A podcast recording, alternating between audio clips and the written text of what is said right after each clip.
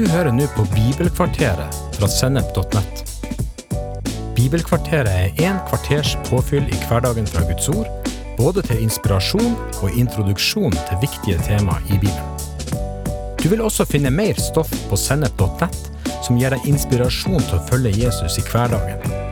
Følg oss på Facebook og Instagram, og abonner på våre podkaster i Spotify, iTunes, Google Podkast, YouTube eller i den podkastappen som du bruker. For flere år siden kom ei venninne til meg med tårer i øynene. Hun hadde over lang tid skjult områder av livet sitt. Uvise valg hadde fått negative konsekvenser i livet hennes.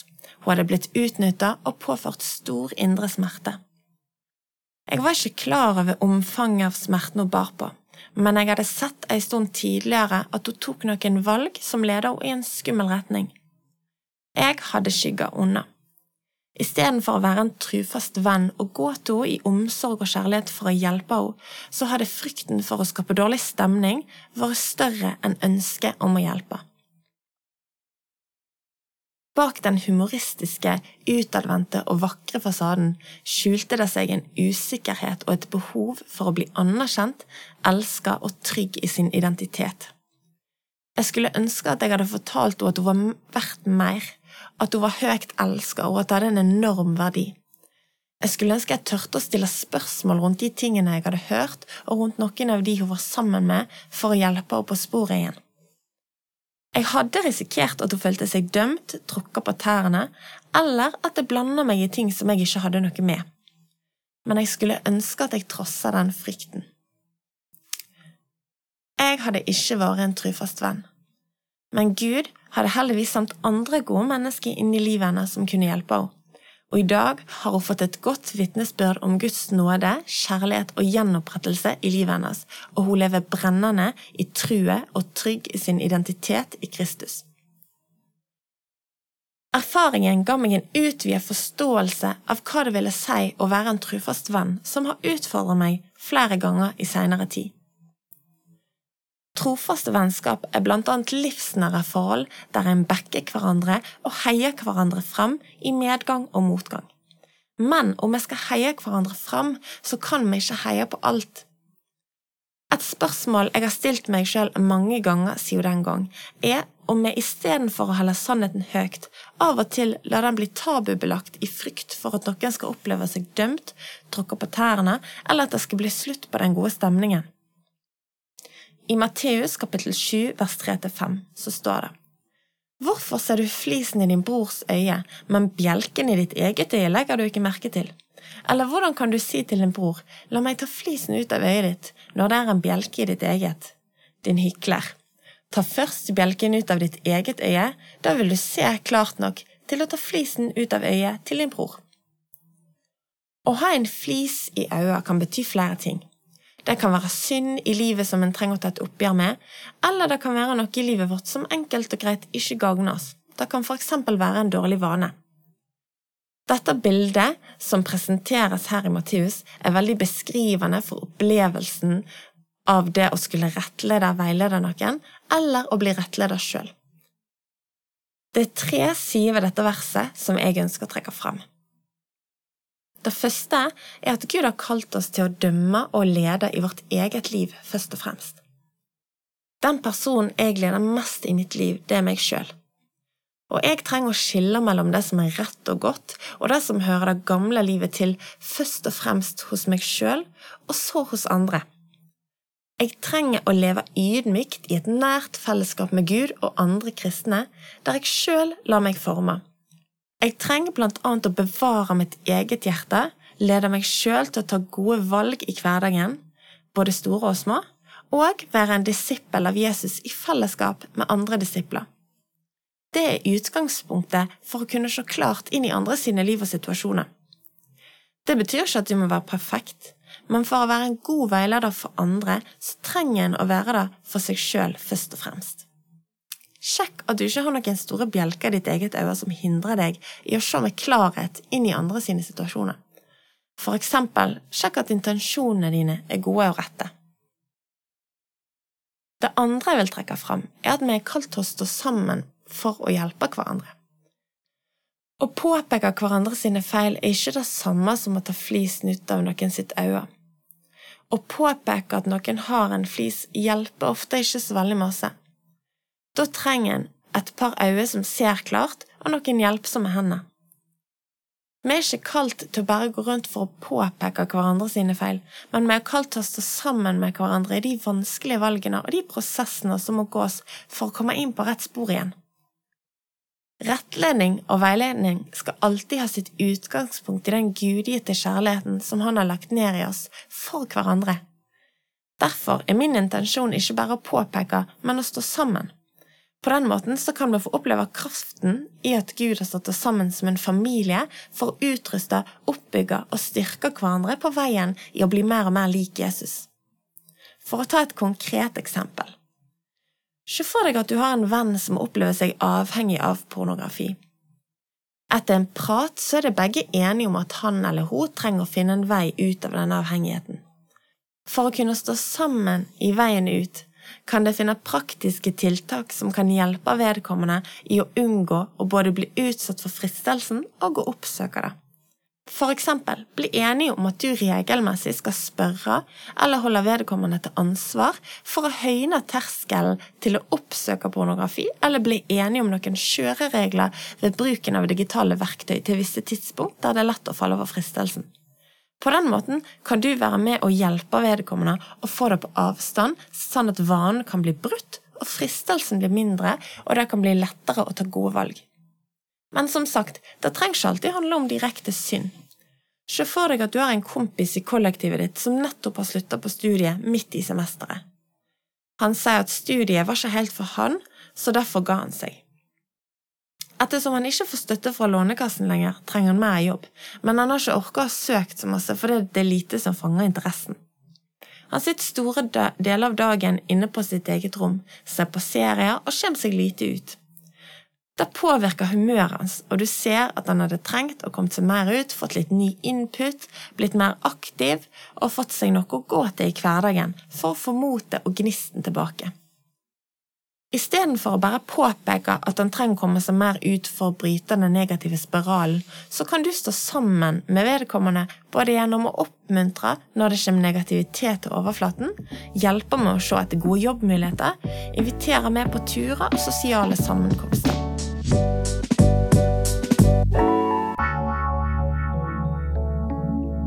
Det tredje jeg vil trekke fram, at det kan være vanskelig både å gi rettledning og å ta imot. Vi er selvfølgelig aldri ute etter å såre hverandre, men det kan skje likevel. At andre har verdens beste intensjoner, er ingen garanti for at vanskelige følelser ikke kommer når en blir korrigert. Det er ikke behagelig å ta ei flis ut fra øyet. Prosessen med å ta den ut kan kanskje være smertefullt, og det kan være til og med mer smertefullt enn å la flisen bli værende av og til. Men du lar ikke flisen stå i øya i frykten for smerten ved å ta den ut. For da en vet at konsekvensen av å ikke ta ut fliset kan bli alvorlig, og så vet en at friheten og lettelsen det å få den ut, er verdt smerten. I Ordspråkene kapittel 27 vers 6 så står det de sårene en får av en venn, er gitt i trofasthet. Derfor, la oss være rause med hverandre. Rause om noen kommuniserer litt dårlig, eller kanskje de bare kommuniserer annerledes enn du sjøl ville gjort. Være rause om du skulle bli såra. Rause når kjærligheten og omsorgen i rettledningen er litt for godt pakka inn. Jesus var en trofast venn og hans disipler de fikk høre litt av hvert. Jesus var veldig tydelig med sine disipler, og noen gang når jeg leser noe av det som Jesus sier til sine disipler, så må jeg innrømme at jeg av og til har tatt meg sjøl i å tenke at oi, det var kanskje litt vel rett på sak. Men Jesus holdt sannheten høyt, og når noe var viktig, så var det viktig, og da var han veldig tydelig. Hans omsorg og kjærlighet gikk aldri på bekostning av sannheten. Han sa det som var rett og sant til enhver tid. Han var og er kjærlighet, og det var utgangspunktet for alt han sa og gjorde. Det var jo nettopp på grunn av hans kjærlighet at sannheten måtte holdes høyt. Jesus sa sjøl, Hvis dere blir i mitt ord, er dere virkelig mine disipler. Da skal dere kjenne sannheten, og sannheten skal sette dere fri. Hvis vi virkelig tror at sannheten setter mennesket fri, da kan ikke vi vri på den eller legge skjul på den for å bevare midlertidige gode følelser hos hverandre. Da lurer vi både hverandre og oss sjøl. I Ordspråkene kapittel 27 vers 17 så står det Som jern skjerper jern, slik skjerper en mann sin venn. Sammen er vi kalt til å slipe hverandre, få fram det beste i hverandre, hjelpe hverandre til å leve i den friheten Gud har kalt oss til, og bli mer og mer lik Jesus, som er vårt forbilde i alle ting. Hver og en av oss er helt avhengig av Guds nåde i den prosessen. Den hellige ånd er òg en trufast venn. En gang prata jeg med en som kom og sa at hun følte seg så dømt. Av hvem, spurte jeg. Nei, det var av noen av ungdomslederne i menigheten, svarte hun. Så spurte jeg, men hva er det de dømmer deg for, da? Mumlende kom det fram at hun egentlig ikke hadde noe godt svar på det, for tilsynelatende så var det ingenting å dømme henne for. Men hvordan kan de dømme deg for ting i livet ditt som de ikke engang vet om, spurte jeg. Da blei det litt stille. Nei, det var jo for så vidt sant, svarte hun. Kanskje de ikke dømte henne likevel, men kanskje det hun kjente på, var at Den hellige ånd kalte på og overbeviste henne om egen synd, eller minnet henne på områder i livet hennes som ikke samsvarte helt med hans ønske for henne. Kanskje det enkelt og greit var litt dårlig samvittighet som skulle være en hjelp for å skille ut av livet det som ikke var sant og godt, for å legge vind på det som er rett, sant, edelt, rent, verdt å elske og akte. På den måten er Den hellige ånd en trufast venn som taler til oss, og som leder oss sånn at vi kan få leve i frihet. Så har Gud satt oss sammen med andre for at vi skal hjelpe hverandre i å leve helhjertet og overgitt som disipler av Jesus, og i å leve liv der med stadig vekst til modenhet til Kristus. Jeg tror at noen av de tankene som hindrer oss i å tørre å belyse områder av livene til hverandre, som ikke er helt sånn som de gjerne skulle, er frykten for at noen skal føle seg dømt, eller tro at vi går rundt og tror at vi er noe bedre enn de. Til den tanken så ønsker jeg å belyse to sannheter. Det første er at det er helt urelevant å snakke om at noen er bedre eller dårligere enn noen andre, for det handler ikke om det. Vi er alle avhengig av Guds nåde. Vi har blitt rettferdiggjort ved trua på Jesus Kristus, ikke fordi vi har oppnådd noe sjøl, men fordi gjeldsbrevet mot oss ble sletta ut når han nagla det til korset. Hans blod har vaska oss rein. Vi rettler det ikke hverandre fordi vi på grunn av vår hederlige levemåte har blitt tildelt et slags mandat til å fortelle andre hvordan de skal leve.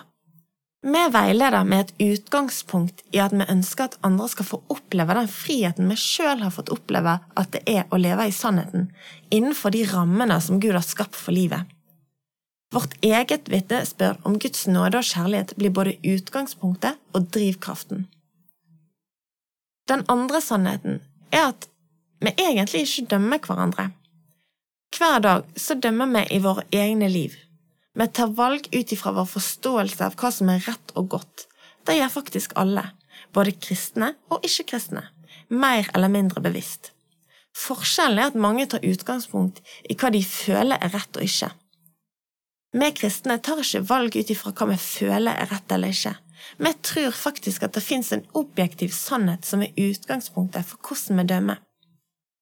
Jeg må hver dag velge å tale vel om de rundt meg, fordi sannheten ut ifra Bibelen er at tungen har stor makt, og at vi må passe på at det ikke kommer ferskvann og saltvann ut fra samme kilde. Da må jeg skille eller dømme mellom det som er godt å si, det som skaper liv, og det som skaper død. Å dømme betyr å skille. Sånn som Gud skilte lyset fra mørket når han skapte hele universet, så trenger vi å skille lyset fra mørket hver eneste dag. Derfor, om noen kommer til meg og sier at Marte, det er ikke rett av deg å sitte og si disse negative tingene om din bror eller søster, så dømmer de, men de dømmer ikke meg. Jeg er allerede dømt rettferdig ved truet og vasker rein. Men de hjelper meg å dømme mellom det som er godt og rett, og det som er feil, mellom det som bærer dårlig frukt og det som bærer god frukt. Jeg er heldigvis dømt rettferdig en gang for alle i trua på Jesus.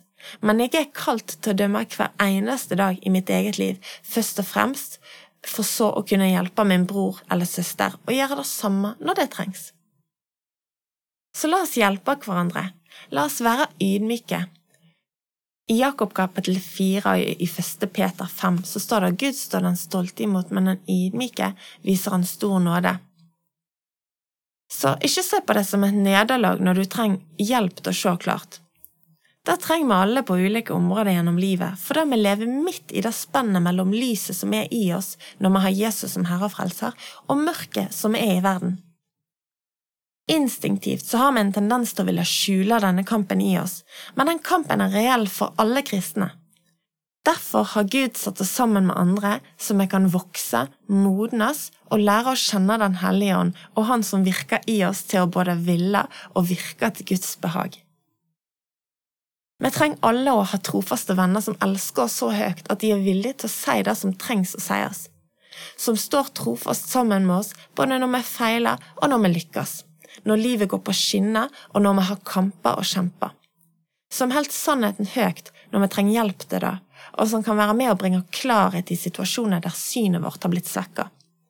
Så la oss være venner som heier hverandre fram, elsker hverandre, backer hverandre, og som i omsorg og kjærlighet alltid helt sannheten høyt, fordi det er den alene som virkelig setter fri.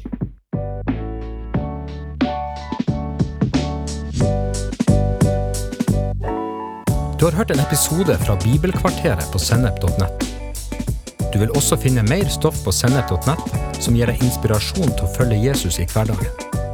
Innholdet på Sennep er gratis og tilgjengelig for alle, takket være økonomisk støtte fra kristent nettverk menigheter og enkeltpersoner. Du kan også hjelpe oss ved å be for oss at vi skal forkynne ordet med frimodighet. Ved å dele innholdet vårt med venner og bekjente. Ved å rate podkastene våre på iTunes eller i podkastappen som du bruker. Eller ved å gi en engangsgave på VIPS. VIPS nummer 54 66 68.